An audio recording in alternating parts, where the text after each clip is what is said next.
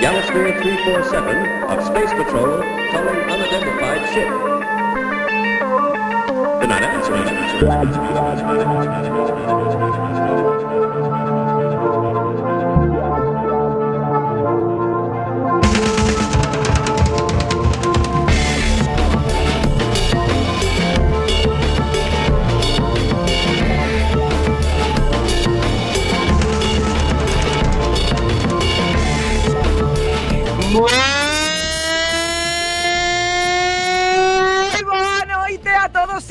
prepárense para pasar unha hora repleta de aventuras a bordo. Do fucking submarino máis intrépido de toda a Unión Soviética.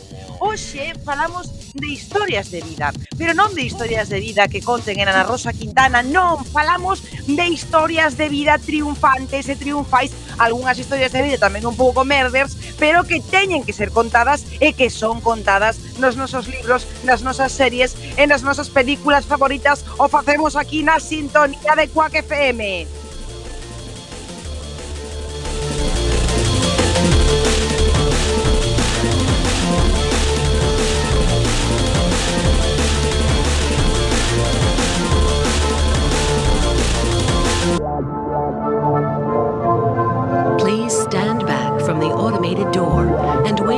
security officer to verify your identity.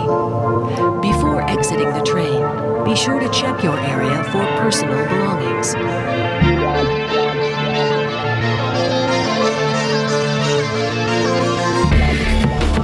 E o facemos como non podía ser doutro xeito co camarada Bugalov na sala de máquinas.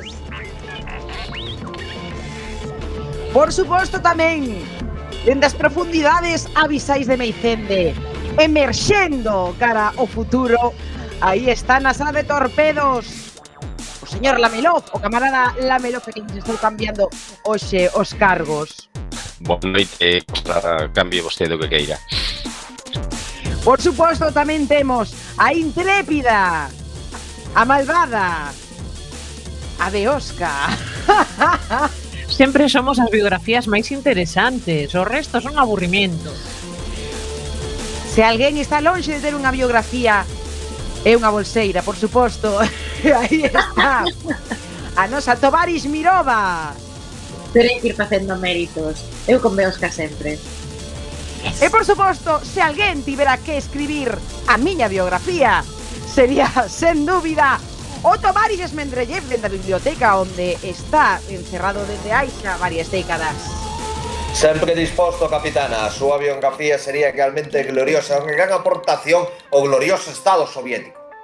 Saludamos a capitán Espletana Iván Ruristo, el loco Iván, y comenzamos.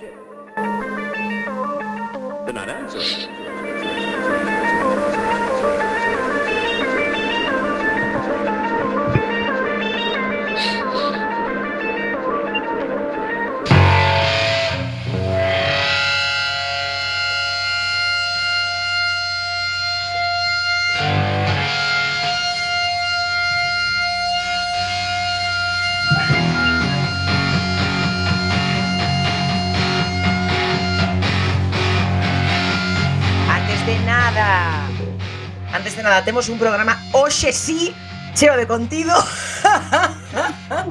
vamos vamos a superar, vamos a redimirnos do noso programa sobre banderillas e aceitunas do programa pasado, así que por favor, queridos e queridas ouvintes, continúen en sintonía. Antes de nada, por suposto, se queren criticarnos, xa saben onde o teñen que facer, pero vámonos repasar, señores Mendellez, por favor. Señores Mendellez, abrase o micro porque senón, por moito que repase, como íamos dicindo, como dicíamos onte, que dixo Don Miguel de Unamuno, Pois se nos queren poñer podres poden chamarnos en ningún problema o 644-737-303 644-737-303 Perfecto, e por suposto, señor Lamelov, querido camarada xefe de torpedos e, e, e de todas as infanterías torpes do mundo, por favor tamén eh, se nos queren insultar ou mandar ameazas eh, vía Twitter, como deben facelo? Bueno, vía Twitter ou vía outras cousas, claro. Bueno, podes facelo vía Twitter ou vía Facebook, eh, arroba loco Iván Cuac, ou na gloriosa rede social que é Mastodon, que, que é pues, arroba loco Iván Cuac. De feito, outro día tivemos un, un like, pero bueno, era dun bot ruso de propaganda, pero oye, pues, polo menos. Se ruso non pasa nada. Non pasa claro, nada. Sendo 50% da rede social tamén tiña que Claro, é eh, máis ou menos o de... Aparte era propaganda rusa, co cal sempre está ben. Por suposto, pois nos metemos xa en materia, xa saben, hoxe falamos de biografías, de, de biografías autorizadas, de biografías desautorizadas, um, de historias, de historias de vida en xeral e de morte. Eh, así que, señor eh, Lamero, por favor, rápidamente, as súas biografías favoritas. Oh, that, ¿Qué? Oigan, los conozco. A los tres los conozco. Sí, del Rancho Span, claro. Del Rancho Span, sí. No sé tu nombre, pero me acuerdo de tu cabello.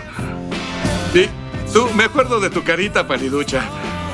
Y tú eras un jinete. Sí. Eh, tú eres... Soy el diablo y he venido a atender los asuntos del diablo. No, ¿qué es era algo esto, más tonto, camarada? algo como... Porque fala que Panchito.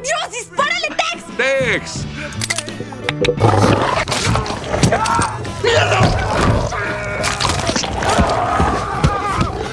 Always is always forever.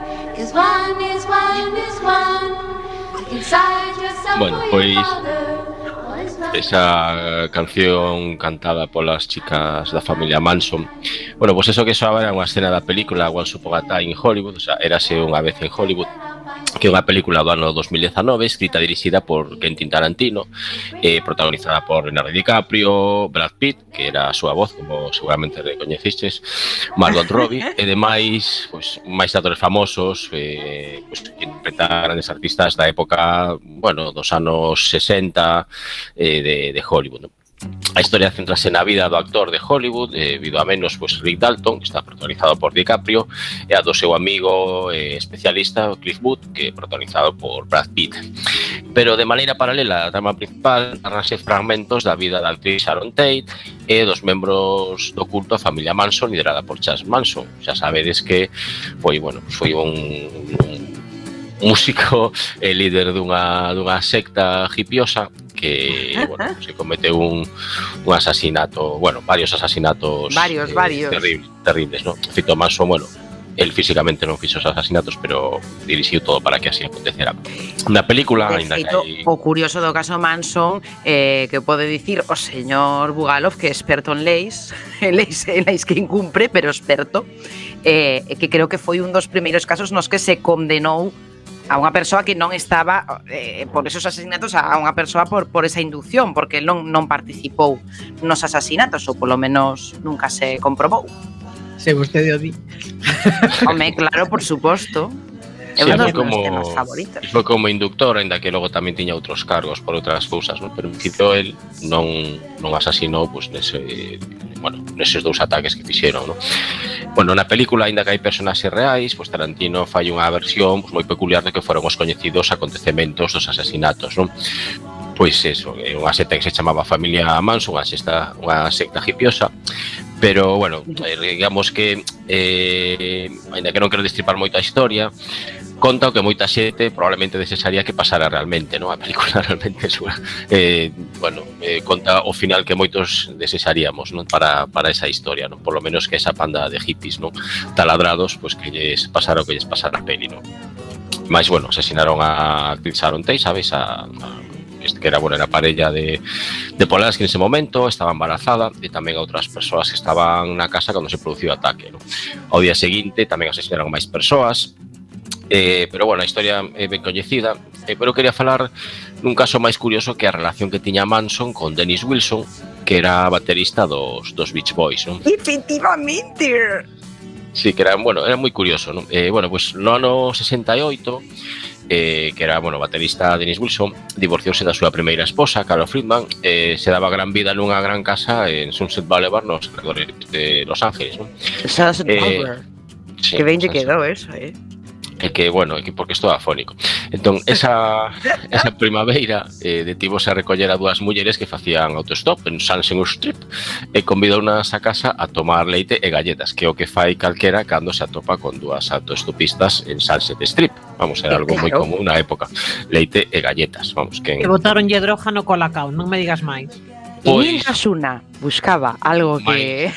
Algo... A ver, eso, eso son falacias, hombre. No que pensades que a droga da droga que regalan para botarche así de gratis no colacao. Bueno, bueno.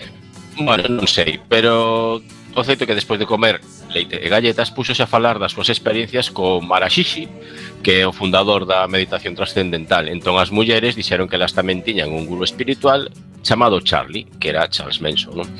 Eh, pois pouco despois, Wilson regresou á súa casa pola noite e atopou as luces eh, encendidas nun autobús escolar aparcado fora. Mirou a un home pequeno que se achegaba a ele e preguntoulle se, bueno, se ia facerlle dano, non? Entón, ti pensas que... Era a anano Manson, hai que dicilo polo visto si sí, era unha chinchetilla así bastante sí, ponzoñosa. Sí, sí. Bueno, pois o tipo dixo, non me irás facer dano, non? Entón o Manson dixo, ti pensas que vou facelo, non? Eh, eh, entón, entón eh, bueno, pois pues Manson eh, arrodillouse e empezou a bicar os pés de Wilson. Non? E, e bueno, e claro, cando te besan, te bican nos pés, pois pues, eh, o surdimento dunha bonita amizade entre pois, pues, un, unha icona do rock and roll e un dos líderes pois, pues, máis sádicos da, da historia, non? Polo menos, polo menos máis coñecidos. Non creo que se fora o máis sádico, que ainda hai xente muitísimo peor, pero, pero bueno, polo menos dos máis coñecidos e, e membro quizáis da, da cultura pop, non? Wilson compartiu a súa casa con Manson e presentoulle a persoas da, da industria da, da música música, non? E aínda que Wilson aínda non se decataba, e abriu a súa casa outras a... cosas. Claro, o que pasa é que, claro, eh, Wilson tiña detrás pois, unha veintena de compañeiras que, bueno, pois que tamén ian á casa de Wilson, supoño que tamén a tomar galletas e leite. Claro. Entón, pois Wilson tampouco lle parecía mal de todo, non? o baterista que aparte seguramente pues, o exceso de galletas e de, e de leite pues eh, facía ter unha cabeza un pouco un pouco eh, digamos dispersa eh, dicía que estaba feito a recoller autostopistas e a facer festas con todo tipo de xente pues, na súa casa E ademais... Todo tipo de galletas. E galletas, claro. E dicía que Manson, bueno, parecía unha personaxe especialmente interesante, un músico cheo de ideas profundas e inusuais sobre o funcionamento do mundo, non?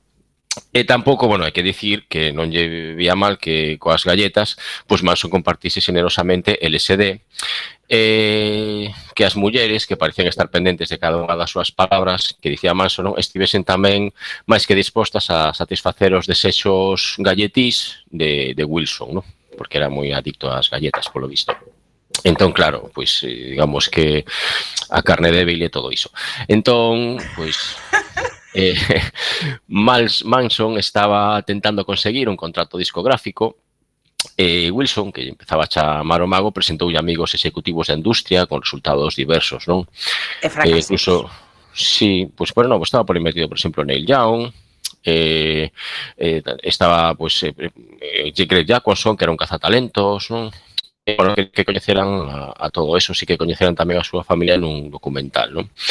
Eh, Manson tratou especialmente de, bueno, de impresionar a Terry Melcher, que era un amigo íntimo de Wilson e fillo da actriz Doris Day, eh, era un produtor da Columbia Records, non? Pero Melcher desconfiaba deste este tipo, non? Porque a ver, tiña unha pinta un pouco un pouco chunga e unha mirada que parecía a Ayuso, non?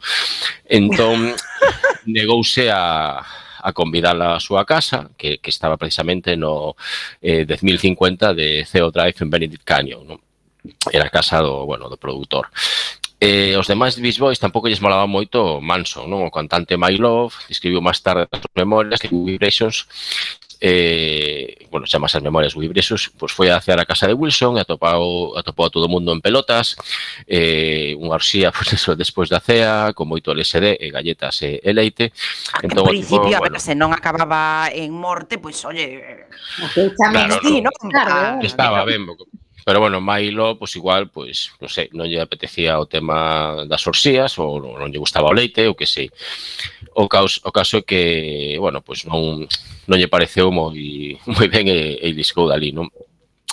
Ainda así, bueno, eh, Wilson, Dennis Wilson, pues creou no talento musical de Manson e organizou unha sesión de grabación a través do selo dos Beach Boys, que era Blood Records, non? Eh, bueno, este, esta grabación terminou mal cando Manson sacou un coitelo para expresar a súa irritación con xeñeiro do estudio, non? Entón, ah. a partir de aí, digamos, a cousa empezou a enfriarse un pouco, non? Eh, bueno, pues al final lo verán, después de gastar unos 3.000 dólares para pagar a, a, comida da familia, as facturas médicas, os danos a súa propiedade que, bueno, pues, tanta orsía pues, pode, pode rascar as paredes. Wilson decidiu que xa estaba farto do mago de seu séquito, non? Entón, evitando así un pouco a confrontación, mudouse da súa casa alugada con contrato de alugueiro a pique de expirar, deixando que o seu caseiro desaloxase formalmente a familia eh, Manson, non? Uso tamén se vingou de Manson ao tomar eh, unha das súas cancións, eh, Cisto Exit, e refacela como Neverland Not To Love, que sai no disco 2020 dos, dos Beach Boys, non? Eh, e incluso, bueno, porque reclamando máis tarde, pois, pues, o propio crédito do, do tema, non? É dicir, digamos que que Manson xa empezaba a quentarse un pouquiño, non? Xa estaba que non lle gustaba o que o, o non cariz. Lle non lle molaba as, eh, as galletas xa non quería compartilas e E tal. De feito, bueno, a amizade entre os dous pues, xa, xa estaba prácticamente rota. Non? En, no, en novembro, Wilson informou a Manson de que unha das súas cancións aparecería no próximo álbum dos Beach Boys. E, e de todos sitos, Man, Manson decatouse de que eh, bueno, de que a súa canción pues, estaba bastante cambiada e que, bueno, non era o que la agardaba, non? Mm. Entón, tras conter inicialmente a súa furia, Manson mostra a Wilson unha bala e suxeriu que era importante para manter os seus fillos a salvo eh, digamos, pues que, que, bueno, como unha especie de ameaza velada, non? Entón, polo visto... Esas ameazas veladas que, se, que, que Hombre, te manden un, un, sobre, pois... Pues, sí, eh. unha bala así, unha velada que, que pode pesar. Bueno, pois, pues, polo visto, eh, Wilson metello un, unha hostia ao, a, a Manson, eh, e, eh, eh, bueno... Eh, en Mira fin, que Wilson que, era surfista, eh? e. Era o surfista dos Beach Boys, por certo. Eh, sí, pero tendo en conta que outro era un retaquillo, pois pues igual levou unha, unha hostia. Que era surfista, seguides, digo. Seguides insistindo na idea de que era pequeno, pero pero Manson é máis alto que a min. no, pero eh, eh, ti dis, eh, antes no, no noso chat secreto mental de Mente Colmena, eh, puxetes aí que, que, que medía un 68 e eu habería que habería que miralo, porque eu creo que era un 58. Bueno, era eh, baixillo, o tipo. En todo caso, para ser un, un home tal e comparado con, con Wilson, que era un tipo bastante grandote, pois pues digamos que, bueno, pois... Pues, eh, Wikipedia, a, a Wikipedia di un 68. Un 68. Bueno, si sí, a eh, Wikipedia certo, así para un home pois pues, non é moi alto, non? Comparado con Wilson sobre todo. Entón, bueno, pois pues, como eu polo visto unha, unha boa tollina. Bueno, pois pues, no verán do ano 69, despois de que eh, bueno, de que tivera unha bueno, de que con Melcher, co produtor, pois pues, tivera unha audición xa tempo antes e, e non se producía o contrato discográfico que esperaba, pois pues, Ma, eh, Manson decidiu que era o momento de iniciar, pois, pues, digamos, unhas guerras raciais que advirtiu que acabarían coa civilización, é dicir, unha, unha serie das súas paranoias, non? Era o Helter Skelter. O Helter Skelter, exactamente. Eh, Pois eh, foi- se está dando, o sea, estou dando idea de que soy unha puta flipada porque soy un montón de datos. Eh, sí, sí que son. Eh, Bueno, pois eh, 8 de agosto Manson ordenou aos seus seguidores que matasen a todos os habitantes do 11050 de CO Drive. Eh, Melcher mudouse meses antes, deixando a súa nova residente, Sharon Tate, esposa de Roman Polanski, e algúns amigos como as desafortunadas vítimas. Non? Ao día seguinte a familia volve a atacar pois, cos asasinatos de Leno e Rosemary e La Bianca, non, bueno, un dos pisos que estaban aí, E, e bueno, pois pues, ao final foi unha, unha masacre, no? Os asesinatos de Tate e Labianca foron executados por Ted Guasso, que sae precisamente na película, ah, que, sí, sí. o sinete, non? E outros tres membros de, da familia Manso, actuando baixo as instruccións específicas de Manson, que eso foi unha das cousas que se demostraron no suizo. Eh, e foron tamén responsables de outros asaltos, roubos, crimes o intento de asasinato, que isto sí que, que é flipante do, do presidente dos Estados Unidos, que nese momento era Gerald Ford, non? un intento de asasinato en Sacramento. Non? E, bueno, pois uns meses despois, Wilson decatouse xunto co resto do mundo de que o seu antigo amigo estaba detrás dos asasinatos que aterrorizaron a comunidade de Hollywood, no? Ainda que se negou a falar públicamente diso, Love, o cantante dos, dos Beach Boys, pois, e eh, outros, sinalaron que Wilson cargou coa culpa da súa asociación con Manson durante o resto da súa vida, o que posiblemente mesmo alimentou o comportamento destructivo que din que lle levou a afogarse pois, con 39 anos, no? que era, bueno, era bastante novo para cando, cando morreu Denis. 唉。Bueno, pois resulta que Manson non era tan mal músico, grabou unhas 10 cancións producidas pola familia Manson, e varios músicos se inspiraron en Manson para compoñer cancións pois que súas, non, ou versións ou cancións que eran de directamente de de Charles Manson, pois por exemplo, Guns N' Roses, White Zombie, Devendra Banjar ou System of a Down, eh, o, o propio Marilyn Benson que é bastante Manson tamén. O, o que tipo, bastante outro monger. sí, outro tipo infame, sí. en fin, que, que espero que metan na calle tamén. Bueno, pois tamén fixaron unha versión dos temas de, de Manson. ¿no? Eh, bueno, pois o 6 de marzo... Eh, o 6 de 2000, Manson. O 6 de Manson do, do ano 70. Eh, bueno, pois foi cando se bueno, publicaron pois algunhas cancións do pois de que gravara pois eh, esta esta secta, bueno, este tipo eh pois bueno, unhas grabacións musicais dos seus temas, non? Eh, se o camarada Bugalov tengo aí o o, o dedo listo, pois pode meter o curte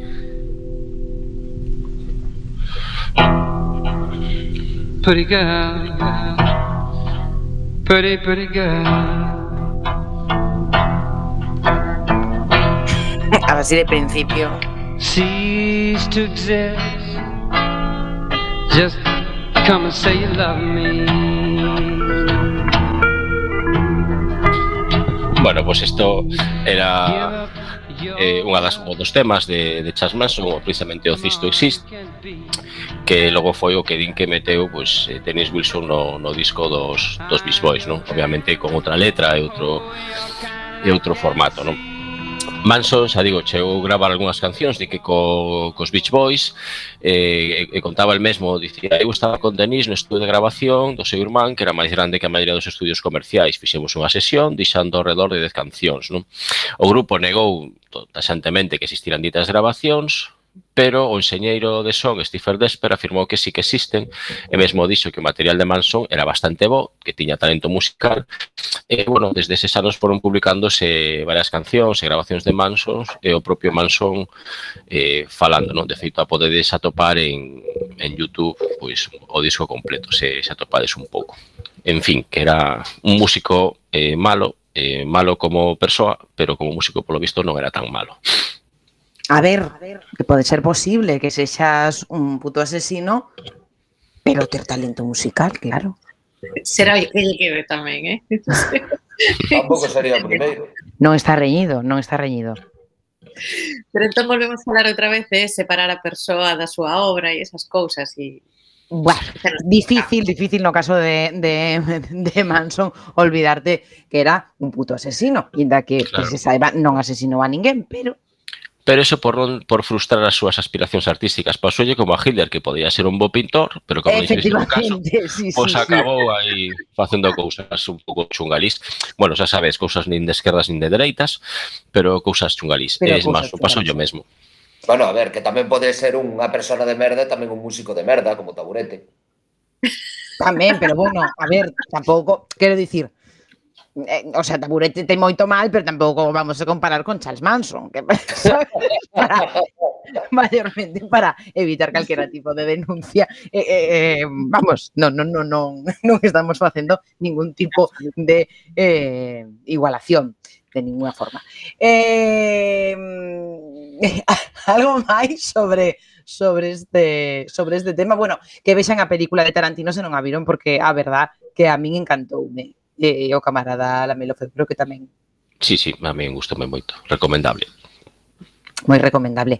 Eh, seguimos eh, 10.24 da noite se nos estás escuitando en directo, se nos estás escuitando en diferido, pois pode ser calquera hora, incluso a hora de facer de ventre. Eh, Beosca, por favor.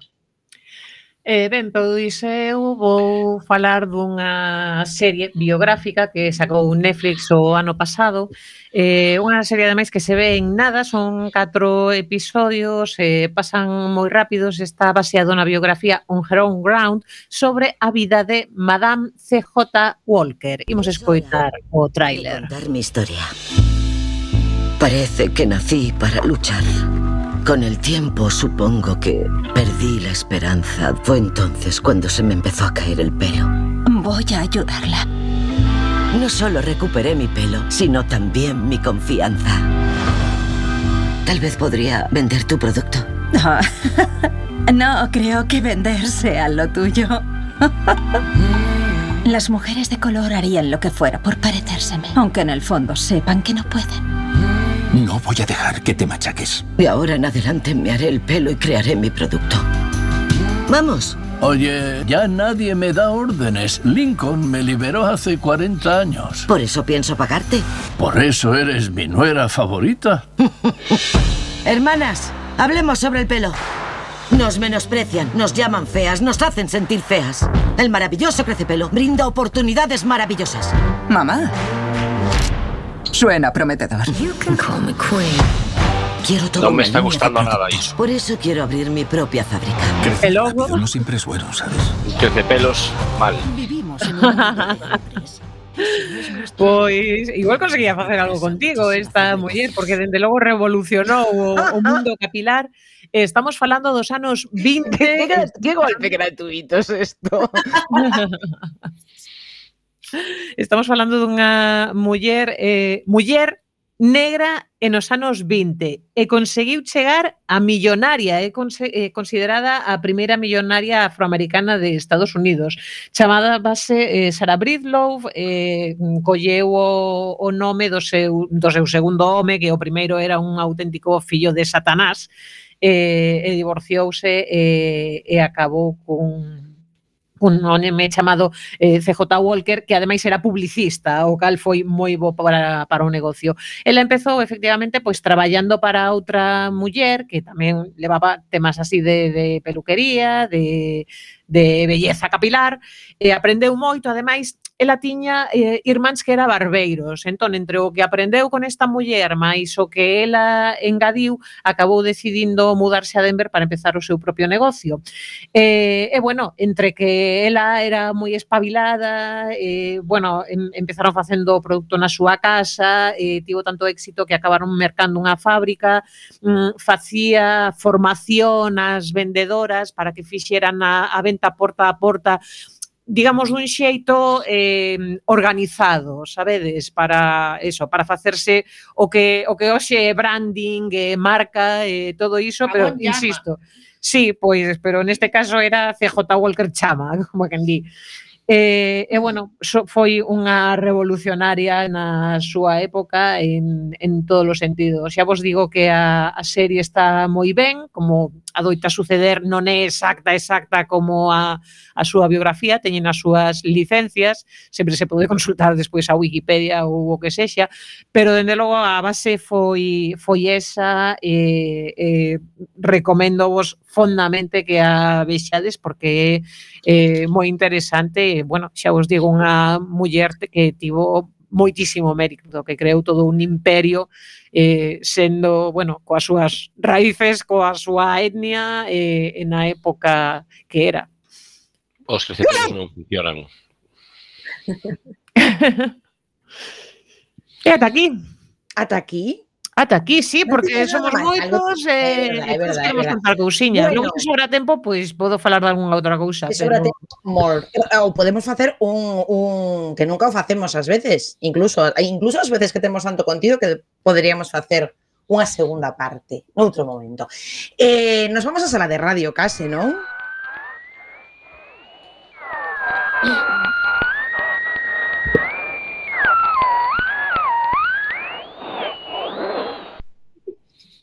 Pois sí, estamos na sala de radio. E claro, que pasa? Eh, falades de biografías ides provocando. Sabía. a best. Creo que ten, claro. Pensei no, pensé muitísimo. Entón, que, que ia facer? Ou Jesucristo Superstar ou Hamilton? Eu prefiro Hamilton que aquí a Lima. Ah, agora mesmo, prefiro Hamilton. Entón, eh, claro, é que é unha biografía ademais bastante bastante que se adapta bastante á realidade das cousas, non? Entón, eh, eu vos, vos recomendo, e como estou facendo a evangelización hamiltoniana por é doquier, pois eh, vou vos deixar con como nos contan neste fabuloso musical ópera hip hop eh, a batalla de Yorktown, nada menos. Aquí están un montón de persoaxes históricos interesantes. Lafayette, eh, Hércules Mulligan, George Washington... eh, Moita, non é só. The Battle of Yorktown. 1781. Monsieur Hamilton. Monsieur Lafayette. In command where you belong. Are you saying no sweat? We're finally on the field, we've had quite a run. Immigrants, we get the job done. So what happens if we win? I go back to France. I bring freedom to my people if I'm given the chance. We'll be with you when you do. Go, lead your man. I see you on the other side. Till we meet again. I am not thrown away my shot. I am not thrown away my shot. Hey yo, I'm just like my country. I'm young, scrappy, and hungry, and I'm not thrown away my shot.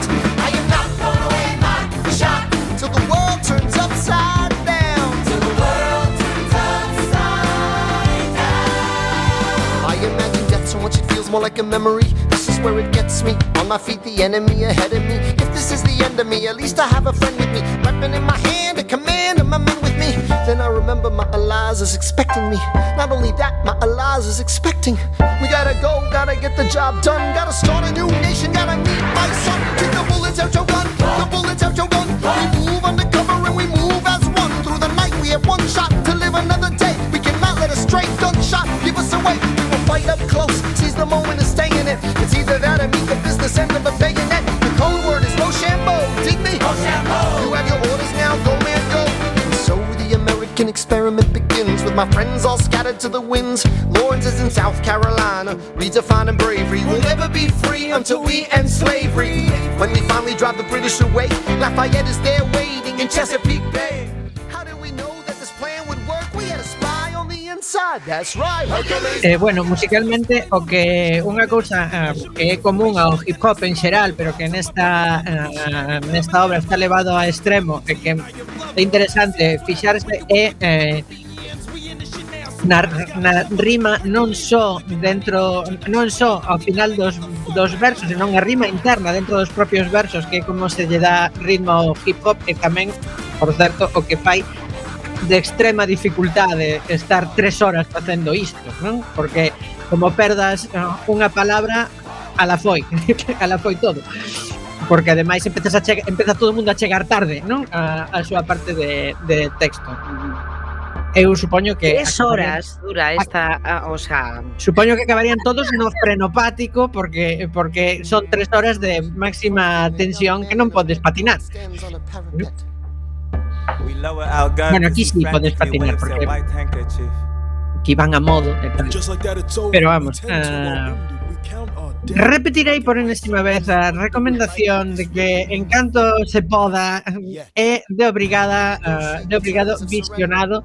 Iso sí coa letra ao, ao vosso carón porque senón eh, é Imposible, de, imposible de seguir, eh? o sea, absolutamente, bueno, imposible de seguir para alguén que non que non uh, eh, fale inglés eh, nativo é completamente um, inimaginable, pero é que lles custa aos, aos propios aos, aos propios eh, nativos americanos. Nativos americanos que se les gustaría máis, pero sí.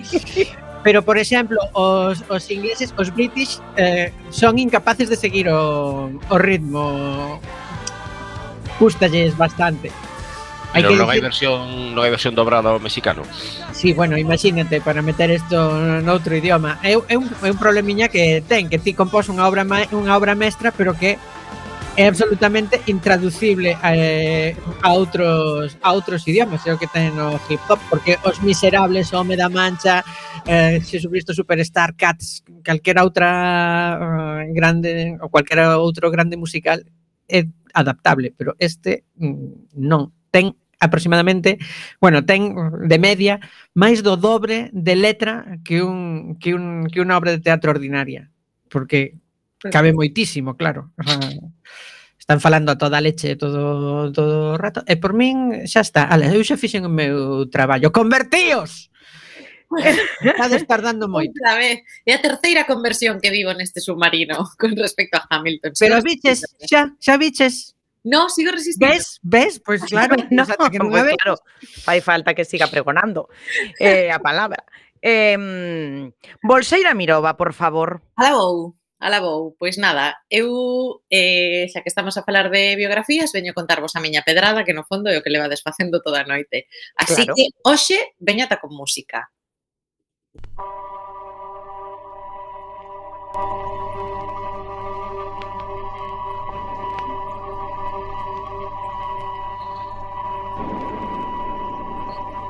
Juana de Arco.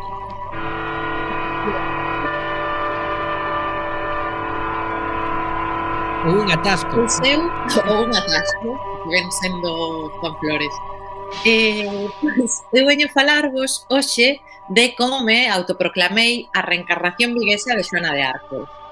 Que non é cousa sí. pequena. Sí, sí, sí, sí, sí, porque aquí cada un ten as súas. Eh, nada, cousa que cando era cativa, vivindo, nun, vivindo como eu vivía nunha casa no medio do monte, no Valmiñor, un dos maiores divertimentos para unha nena tan intensa como a min era sentar diante do ordenador do meu pai e estudar a encarna. Encarta. Seguro que lembrades a Encarta, que era aquela enciclopedia interactiva de Microsoft. E vou dicir interactiva entre 100 millóns de anos. Pois a Encarta Pois dices a encarna. Eu, pero que dices, tía? A Encarta facía fotos de empanadillas. Claro. Claro, a Encarta permitíache eh, fuchicarlle dentro a empanadilla. Bueno, O caso que en carta era de cativa o meu xogo favorito, porque xogabas e aprendías. Claro. Non consciente de que levei moitas menos collejas das que merecía de pequena, sei, sí. no? Total, que me vou a perder. Xona de Arco. A primeira vez que lín sobre ela, o que máis me impactou da súa historia non foi que participase nunha guerra que durou 100 anos, 100 anos, que morrese queimada ou que vise visións, para nada. O que máis me impactou foi que Xona de Arco morrese o día do meu cumpleanos, 550 anos antes, iso sí, o 30 de maio de 1431. Pero vaya, o caso que durante un tempo máis do que me gustaría recoñecer como persoa adulta de feito, vivín moi flipada con esta historia. E axudou para conseguir que eu me, me convertise nunha trallada de escena de arco eh, unha TV movie canadiense, que isto é moi putre, pero é moi certo. sí, sí, sí. Pero a verdade é que, o sea, é unha peli que está la mar de ben. Dura eh, tres horas, eh, como Hamilton, pero, pero está moi guai. Eh, que me perdo? Sí, xa, pero eu, eu a vin, sabes? Sí, E ti non viches Hamilton. Moi mal. total, esta peli chamábase originalmente, un que non vos esperades, Xoana de Arco, é de 1999 e está protagonizada por Lily Sobieski, que é a rapaciña que aparecía en Deep Impact, esta película, la, la cara B de Armageddon. El Eh, Deep Impact, pero, o sea, ¿qué estás trayendo aquí? Lixo, lixo, como bolseira solo podo traer lixo. Despois tamén estaban Peter O'Toole e Neil Patrick Harris, moito antes de ser... Patrick Harris, sí, sí. un médico precoz. É unha TV movie gloriosa, en serio. Dura tres horas e iso sí, é bastante... A min deixoume, claro, vina de cativa e deixoume moi impactada. Claro, porque una máis- de arco. Claro, claro. pero bastante máis pastelosa, iso sí, ya que dirixiu o mesmo ano, por certo, Luc Besson, que seguro que des así que vos lembrar. Oh, esa non me gusta, oh. está mal rollo, eh, ten aí, ui, protagonizada por Mila Jovovich. Por Mila Jovovich. Co que comparte, por certo, corte de pelo a día de hoxe. Ajá. ¿Eh? Iso sí, a peli de Luc Besson é bastante máis delirante que calquera das outras das outras películas que existen sobre Xana de Arco. É verdad. Incluída a maravilla de película que fixo Víctor Fleming protagonizada por Ingrid Bergman na que, por certo, eh, pois de Noviña e de Rapazola buscara de Arco tiña máis ben pouquinho. Pero bueno, total, eu remato eh, contando vos isto, con aquela información e a escasa noción que eu tiña de que esta era unha rapaza nova, que fora queimada viva injustamente por axudar o seu país, eu quedei moi loca Despois, claro, viría a hora de aprender que en realidade Xona de Arco pois, é un símbolo mega rancio, que foi proclamada mártir pola Igrexa, que foi utilizada como símbolo da Liga Católica Francesa, que é a ranciedade máxima que vos, podedes, que vos podedes botar encima, e que despois, ainda por riba, foi transformada en símbolo nacional, pero non menos rancio Napoleón. E, entonces... e ademais é a culpable do xentilicio dos de Valladolid. Era moi amiga do psicópata Guiledes Gais, tamén coñecido como ¿eh? Barbazul. Sí, sí, sí, é moi certo iso e ademais pasa outra cousa que isto tamén eh, a última vez que eu seguín a miña pedrada sobre, sobre Xoana de Arco me fun a Torleán donde hai, eh, bueno, pues aí podes facer pues, o típico tour de guiris de tal, e me clavaron un monte de euros por facer un tour mega guiri sobre a vida de Xoana de Arco e dixen, ata aquí, Antía, non tes orzamento para máis. E esa é a miña pedra biográfica, autobiográfica. Autobiográfica, claro, é que ti claro, claro. levaches máis alá o programa, levaches o programa a outro nivel. Son a reencarnación viguesa de Xona de Arco. Porque a reencarnación viguesa de Xona de Arco. Mais bueno, para, dicir que, que, para dicir que estamos queimados tampouco hai que presumir. Máis eh. queimada que a mí non hai ninguén. E visións, pois pues, nalgún momento da miña vida, quen sabe se si por leite, galletas ou sabe Dios, pois pues, tamén pode ser que tamén vis algunha. É verdad, é verdad. de Mirova. Perdón? Antía é o diminutivo de Mirova. É verdade, sí. É o nome que me poño eu como mártir religiosa. Sor. Sor, Sor Antía. Eso de mártir religiosa non sei por qué, pero non, claro, non, sí, me so, soume un pouco a religiosa. Non teño corpo para comerme a ninguén agora mesmo. Xa dixen antes que son máis pequena que Charmancho. sí. Non fixen o programa circular, veña, pois podedes continuar. Está ben, está ben que hoxe sacáramos, eh, bueno, pois as túas relacións, as túas similitudes con Charles Manson e con Xoana de Arco. Claro, eh, lo de encurtidos bastante, eh? por favor, estaba vendo ben o programa, temos que seguir adiante e abandonar a ranciedade. Eh... Eu hoxe tamén traio, traio por unha vez no, no, un putísimo contido. Xa máis coñecido, este programa está sendo increíble. Podemos facer Está sendo increíble. E todavía máis cando vexades o que vos traio. O que vos traio hoxe. Per favor. It could have happened to anybody. But it didn't. Me pongo picantón. It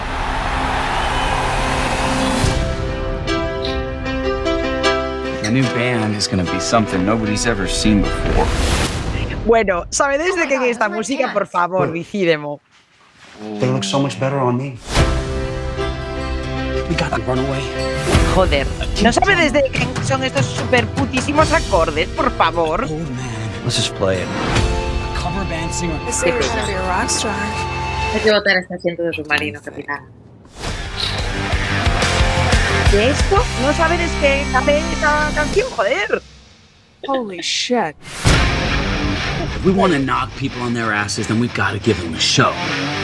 I'm talking like a stadium show in the clubs. The fans, they're dying for some anarchy. So let's give it to them.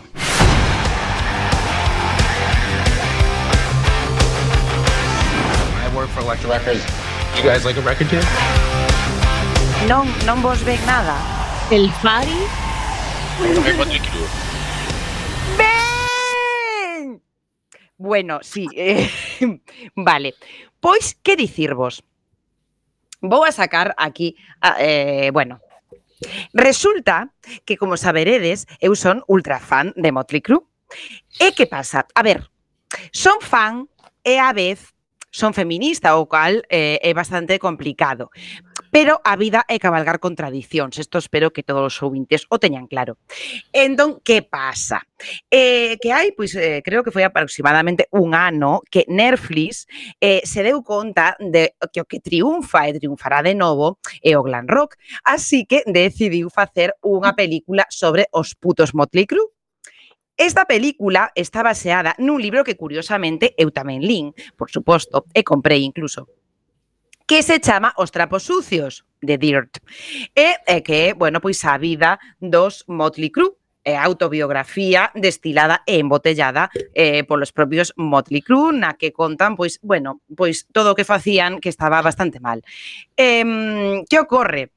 Eh, que vos, os quero invitar os que tendes eh, Netflix ou algunha posibilidade de chegar a él eh, que ver esta película Seguramente se vedes esta película, digades, bueno, eran un pouco borrachers e pasan cousas que non parecen normais, que en principio habería determinados homes que lles gustaría que lle pasara, non? Por exemplo, pois na película se ve como eles están firmando un contrato e unhas fans eh, digamos que teñen a cabeza noutra zona da mesa, quero dicir, me está desentendendo o que quero dicir. Bueno, que están debaixo da mesa, ben correcto. E vostedes dirán, isto realmente é unha flipada e non ocorreu. Ben, o máis triste é que todo isto efectivamente parece ser, segundo o libro, que si ocorreu. E incluso o curioso é que o libro dos trapos eh, sucios eh, que, bueno, que de Neil Strauss é moitísimo máis heavy que a película. De feito, Netflix explica que a película está bastante edulcorada eh, para que non nos demos conta do puto asco que daban os putos Motley Crue. De feito... Eu, eu direi que non eran tan bons músicos para ser tan malotes, eh? A ver, non eran... Bueno, bueno, bueno, bueno, eh? eu aquí hoxe... do submarino. Hoxe que falamos, hoxe que falamos de bateristas, está Wilson e está Tommy Lee. E para min Tommy Lee é un músico, eh, o sea, como persoa tamén é bastante despreciable, Hombre. pero para min como músico é... Eh, bueno, a min é un dos mellores baterías. Bueno, Dennis eh, Wilson non, tranquila, era horrible. É un gran, é un gran actor. Horrible. bueno, pois simplemente, antes de darlle paso a Esmendrellez, vou vos ler, seguro que os sona porque vos, o mellor de Motley Crue non sabedes, pero de, de listeza sabedes, quen é Nick Horby, Sí, pues a ver quen era. Sí, sí, sí, sí de, o escritor de alta fidelidad. De Efectivamente. Sí. Vale, vale, pensé que estabas diciendo sí, sí, sí, no, pero no, no lo sé. Libros del bueno, pois Nick Horby, e a min eh, eh, esta, esta frase que, que mm, co que analiza, co que, co que fai un resumo da biografía da, dos Motley Crue, faime moita gracia, eh, dentro da pouca gracia mm, que ten as cousas que conta a biografía. E que di, por que algunos leemos un montón de libros y vemos mucha televisión en vez de tocar en Motley Crue? Porque no tenemos el estómago para ello. Es tan sencillo como eso. Los trapos sucios es un libro definitivo. Si hay historias peores que esta en el rock and roll, desde luego no merece la pena contarlas. Así que,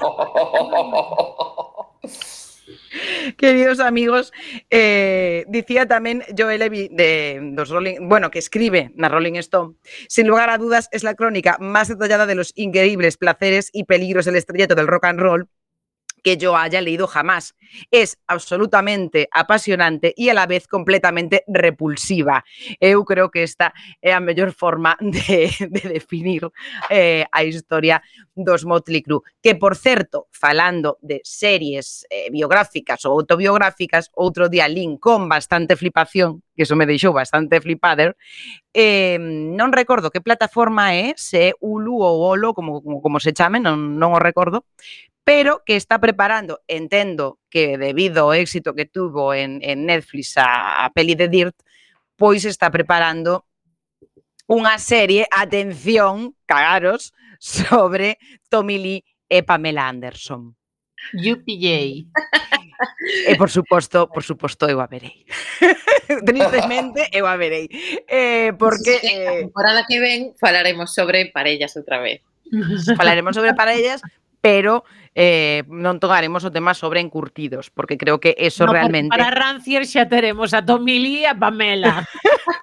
Como estás defendendo os teus encurtidos a capa de espada? O mes, por lo menos teñen algunha utilidade. Eh. Bueno, bueno, a ver, eu creo que Tomili e Pamela tiveron utilidades.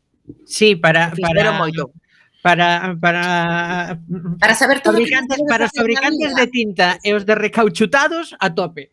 Pois sí. Eh, algunha vez, algunha vez falaremos deste tema seriamente, mentres tomamos uns encurtidos. Eh, e por suposto, eu xa non teño nada máis que dicir, non teño máis que dicir, eh, e dou paso á biblioteca desmenta.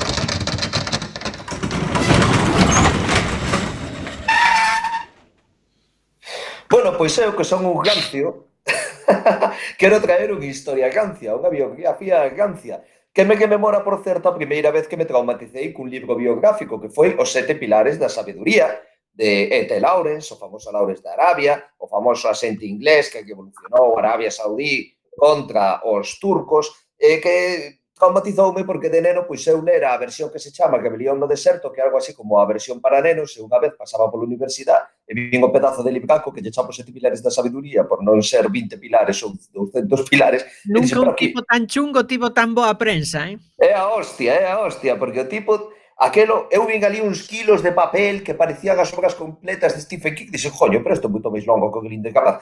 En isto que abro, e claro, primeiro xa Pois nada, xa sabedes que este señor pois relata diversas cousas de índole sexual que teñen que ver non só coa homosexualidade, que eso pois é moi normal, senón tamén que a peredastia, porque tipo era así medio chunguillo, e conta as súas aventuras sexuais por toda a África, foi violado en Turquía, ou eso conta el, que agora pois eh, dice que, que eso é incerto tal. Entón, pois, bueno, desde entón... Iso tamén, incluso na película... Se na película aparece, sí, sí, de Peter Parece bastante que... Hmm. Aí pasaron cousas. que aí pasaron cousas, porque o señor sale con moi mala pinta, o Estaba pobre moi ben O'Toole aí, o sea, co subtexto, eh? o subtexto, oye, sale o señor... uf, É a segunda vez que mencionamos a Peter O'Toole, por outra parte. Ah, Home, é moi digno de ser mencionado. Pero bueno, hoxe quero falar deste libro biográfico que é The Life of Captain Sir Richard Francis Barton. By his wife, por su esposa Isabel Barton, de nome de solteira Arandel, que, bueno, esta muller é unha muller super inteligente, foi unha gran activista polos dereitos sociais das mulleres e viúvas dos soldados en Londres, eh, escritora, traductora, ensobrecida sobre todo polo seu marido, hasta tal punto que é recordada sobre todo por ter queimado os manuscritos e obras inéditas do seu marido a súa morte, entre elas unha traducción do Sardín Perfumado, unha obra erótica árabe do século XV, que fora traducida a inglés por este señor e que fora profusamente comentada e anunciada. Non? Ela sempre afirmou que queimou este manuscrito a despeito de moitos cartos que lle ofrecían, porque decía que de cada 15.000 lectores, eh, cinco iban a ler por interese científico, histórico ou o que fose, e todo o que esto lería para poñer podre o seu home, que era un tipo pois cunha fama regular. Non? A ver que ese señor colouse de contrabando na meca, eh? Esa é unha das máis famosas que ten, porque este home era un tipo pois, que, que ten unha vida moi, moi interesante, non? Eh, de feito, el naceu nunha familia que xa viaxaba moito, eh, permitiulle viaxar isto por toda Europa, non? Eh, a familia pois, estivo en Francia, estivo vivendo en Pisa, Florencia, Nápoles, eh, de feito, tivo ali unha novia, ou rumorease que tuvo unha moza xitana xa de moi novo, que lle permitiu aprender que o maní O cal lle permitiu tamén que logo lle fora sinxelo aprender unha gran variedade eh, de linguas indostanas eh, emparetadas co romaní e chegoulle a permitir a este señor pois, falar 29 linguas, nada menos que pouco, non? El describíamese a sí mismo como alguén bo para nada, excepto para ser baleado por seis peniques o día, co cal se alistou no exército da Compañía das Indias Orientais co esperanza de chegar a Guerra Afgana. Eh, chegou tarde para ser compañeiro do Dr. Watson, así que o destinaron a Bombay, fíxose famoso porque desde ali viaxou a Meca disfrazado de pastún, o que ven sendo un talibán dos de agora, non? como acaba de, de tiro camarada Abugalov. Tamén polos seus descubrimentos, descubriu o lago Tanganica, o lago Victoria, foi un gran esgrimidor, de feito era considerado a terceira espada do Imperio Británico, eh, un, era un tío moi competitivo, foi cónsul de Damasco, de Damasco, perdón, ali tratou de manter a paz entre as tres religións, pero deu un pouco mal porque... Non... A ver, a cuestión, foi un tema Era eh, unha empresa ambiciosa. Pois sí. A ver, milagros os xoves. Claro, usted que milagres bueno, a min, a... por favor. Milagres a min. A cousa para era xa complicada, pero que aparte el decidiu quitar a costumbre do consulado británico de tomar medidas contra os que non cumplían cos préstamos, non?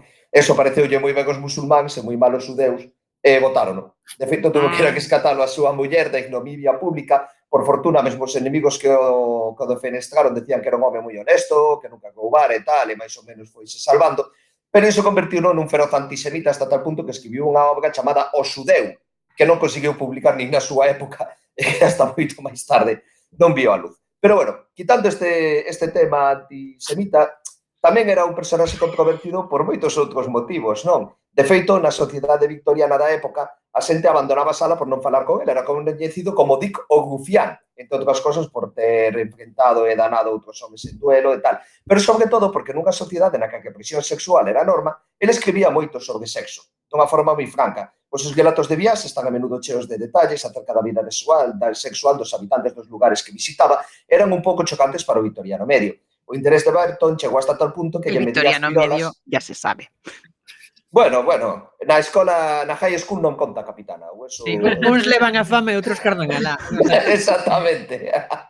entón, este home describía as técnicas sexuais comuns dos lugares que visitou, eh, de feito traduciu o Kama Sutra, primeira traducción, esta outra obra, o Sardín Perfumado, e tamén ten unha amplia mostrase de tamaños de pirola ao longo do mundo, porque ya as medí os nativos.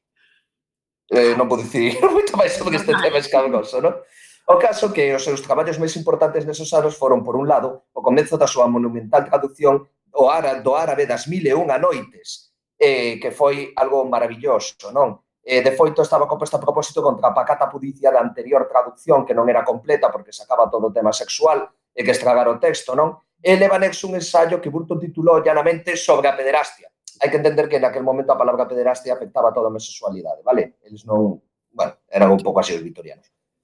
Entón, pois nada, el ali explicaba basicamente sobre estas prácticas sexuais desviadas ou consideradas así nesa época, e claro, caeulle o San Benito do homosexual, o cal lle molestaba moito a súa muller, e foi un pequeno un pequeno xugo que tuvo que legar eh, que levar o resto da, da súa vida, non? Adelanteuse así casi 13 anos o estudio sobre a homosexualidade de Harlock Kellys, con que este famoso sexólogo inglés comezou a, a estudiar eh, a psicología sexual en general. Isto ganoulle a Burton, pois bueno, esta fama un tanto desafortunada, non? Escribiu moitas máis cousas, mesmo con cousas que serían dignas de, de un libro de, de Lovecraft, por exemplo, sobre as traduccións dunhas estelas encontradas en Mesopotamia, Isto quere Algo dicir increíble. que temos que ir cortando.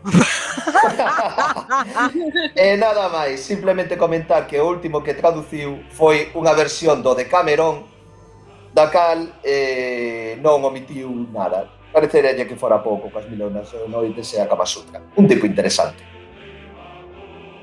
E que? E nada máis. Vamos no, acabar, eh. capitana. non é, home, que, que pensei que quería dicir algo a Bolseira eu a bolseira quero vou, vou facer unha, unha cousa moi moi rara. A ver, seis segundos. O camaradas Mendrelle e máis eu somos un par de rancios. Ai, Dios mío, que rancios